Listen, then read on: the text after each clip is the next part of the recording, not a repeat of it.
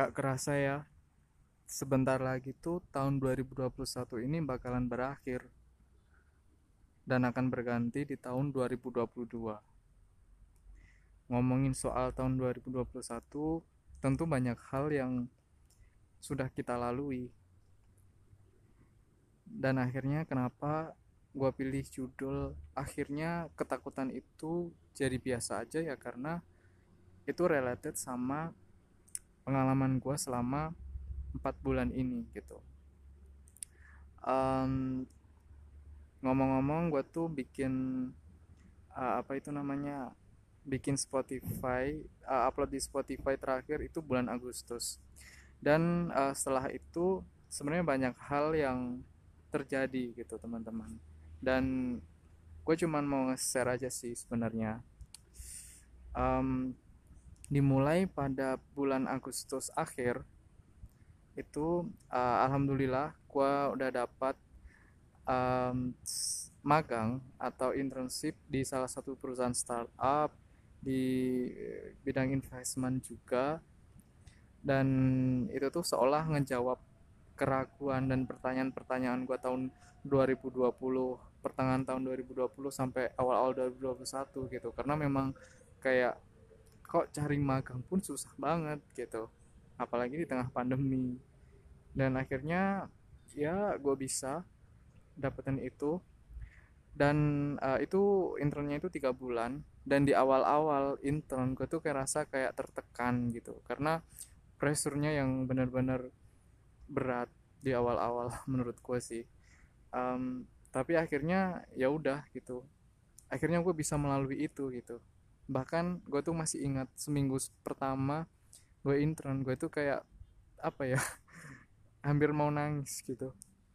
Karena kayak gue tuh mikir ini bisa nggak ya? gitu. Karena memang ritme di startup dan di company atau di korporat itu memang katanya tuh beda gitu. Jadi ya udah tapi akhirnya gue bisa untuk melalui itu gitu kemudian di bulan Septembernya akhirnya gue bisa sidang waktu itu. Benar-benar gak nyangka karena uh, akhirnya gue bisa apa ya bisa sidang juga. Akhirnya gue lulus juga gitu. Setelah um, gue berkutat dan stuck dengan skripsi dengan data yang uh, apa yang tidak normal dengan um, bab 4 yang seperti itu kayak gue ngerasa kalau ini gimana ya padahal gue tuh kayak apa kayak berpikiran apa gue harus ganti judul atau gimana padahal sudah sejauh ini gitu. Dan akhirnya ya udah gitu. Bahkan waktu itu gue pengen uh, untuk segera mengakhiri fase ini gitu. Kalau bisa tuh gue pengen lompat ke fase selanjutnya gitu. Tapi akhirnya uh, eh, gue bisa tetap survive dan bisa melewati perskripsian ini gitu. Bulan September kemudian um, nah di bulan Oktober itu ke yudisium dan akhirnya uh, di bulan Desember itu di tanggal 5 Desember gue bisa wisuda offline pertama pertama kalinya gitu di kampus gua. Uh, gue benar bersyukur dan sangat berterima kasih kepada rektor dan seluruh jajaran dari Universitas Airlangga yang udah apa ya ngasih kesempatan untuk bisa wisuda uh, offline atau wisuda langsung di kampus gitu. Menurut gue itu salah satu hikmah sih kayak uh, gue tuh jadi gue lulus 4 tahun 2 bulan 15 hari. Ya ya apa ya telat tapi nggak jauh banget gitu cuman telat sedikit gitu uh, tapi karena itu akhirnya gue bisa ngerasain yang namanya wisuda offline. Ya cuman waktu itu orang tua gue nggak bisa datang sih. Tapi nggak apa-apa gitu. Um, dan banyak hal sih uh, apa itu namanya yang sangat terkesan selama gue jadi mahasiswa. Kemudian uh, di bulan-bulan Oktober November November itu gue kan coba untuk apply apply kerja. Nah di situ sebenarnya gue uh, ada sih yang manggil gue waktu itu. Waktu itu gue masih di Klaten uh, tapi gue diminta untuk interview di Surabaya pada keesokan harinya gitu. Gue pikir itu uh, apa ya sangat mendadak gitu. Akhirnya dengan berat hati gue nggak bisa um, ya udah gitu. Mungkin memang belum rezekinya gitu.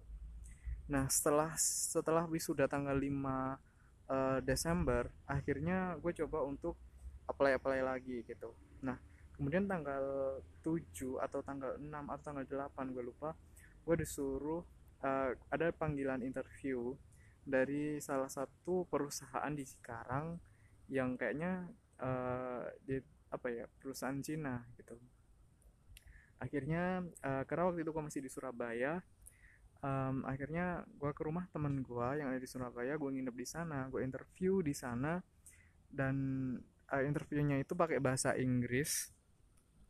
Uh, gue belajar banyak sih dari interview uh, pertama ini gitu. Dan akhirnya uh, katanya itu apa ya hasilnya lolos atau enggak untuk mengikuti interview kedua itu bakal diumumin seminggu setelahnya gitu. Namun uh, enggak jadi. Sehari sehari setelah itu gue langsung dapat kabar kalau gue lolos ke interview selanjutnya gitu. Akhirnya uh, gue nggak jadi uh, akhirnya aku masih tetap di rumah teman gue itu gitu. Gue interview lagi pakai bahasa Inggris dan ini tuh yang nge-interview ini tuh orang Cina gitu. Orang Cina yang apa ya pronunciation atau accent Inggrisnya itu uh, sulit untuk dicerna gitu. Gue tuh nggak bisa nangkep cuman di antara 100% mungkin gue cuman bisa nangkep 30 persennya gitu. Karena memang aksennya yang beda gitu. Tapi uh, gue survive tetap survive waktu itu. Um, dan akhirnya gue bisa jawab semuanya dengan lancar dan uh, gue diterima di perusahaan itu gitu.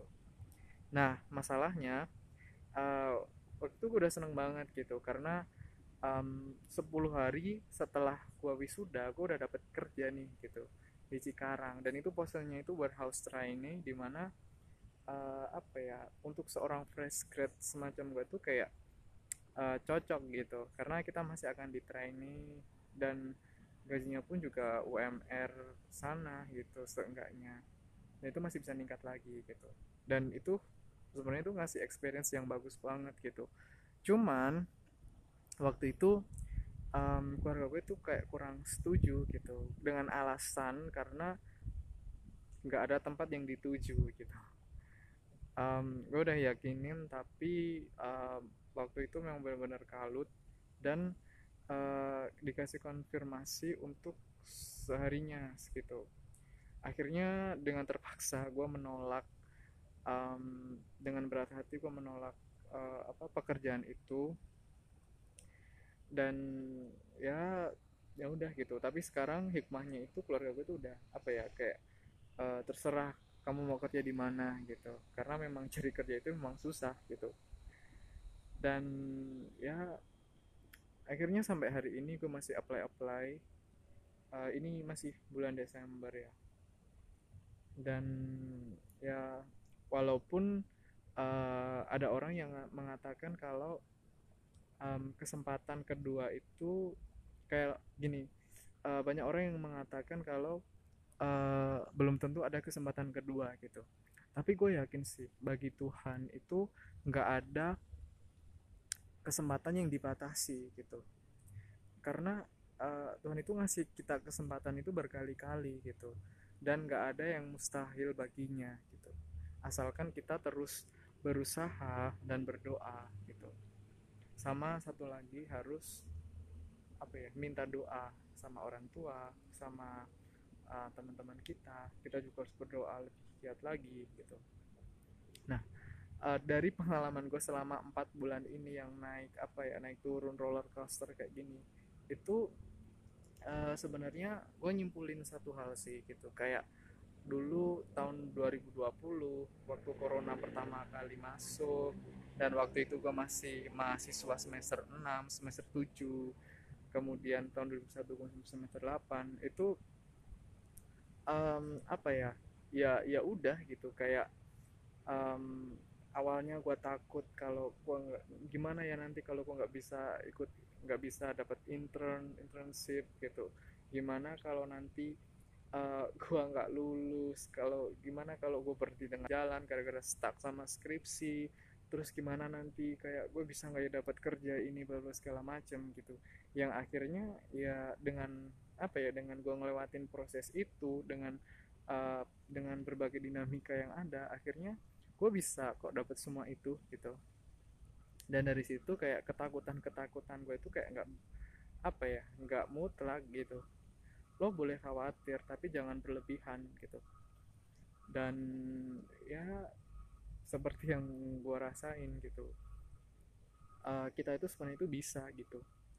Cuman kadang tuh kita eh, nggak uh, sabar aja gitu.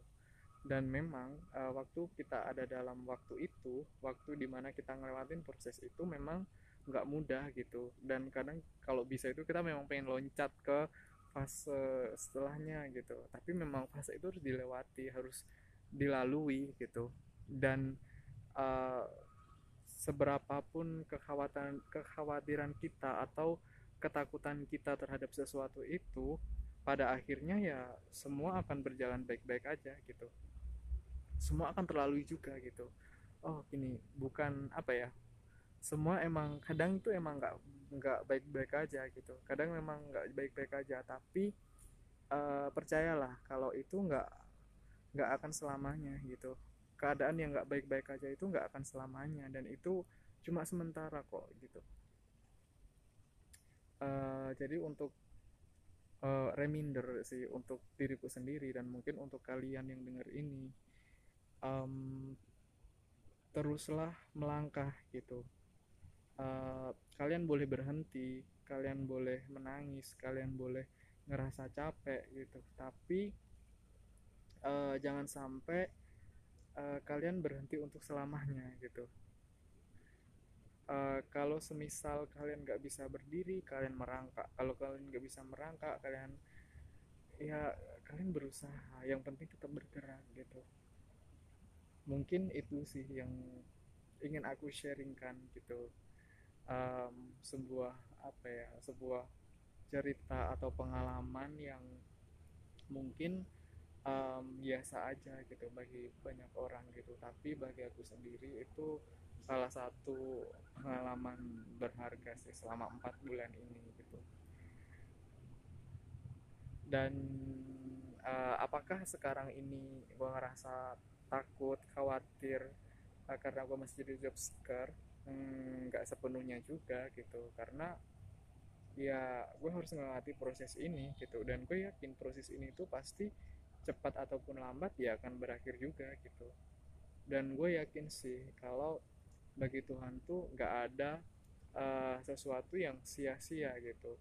Tuhan pasti akan ganti sesuatu yang hilang dengan sesuatu yang jauh lebih baik gitu. Uh, oke okay, sekian dan terima kasih teman-teman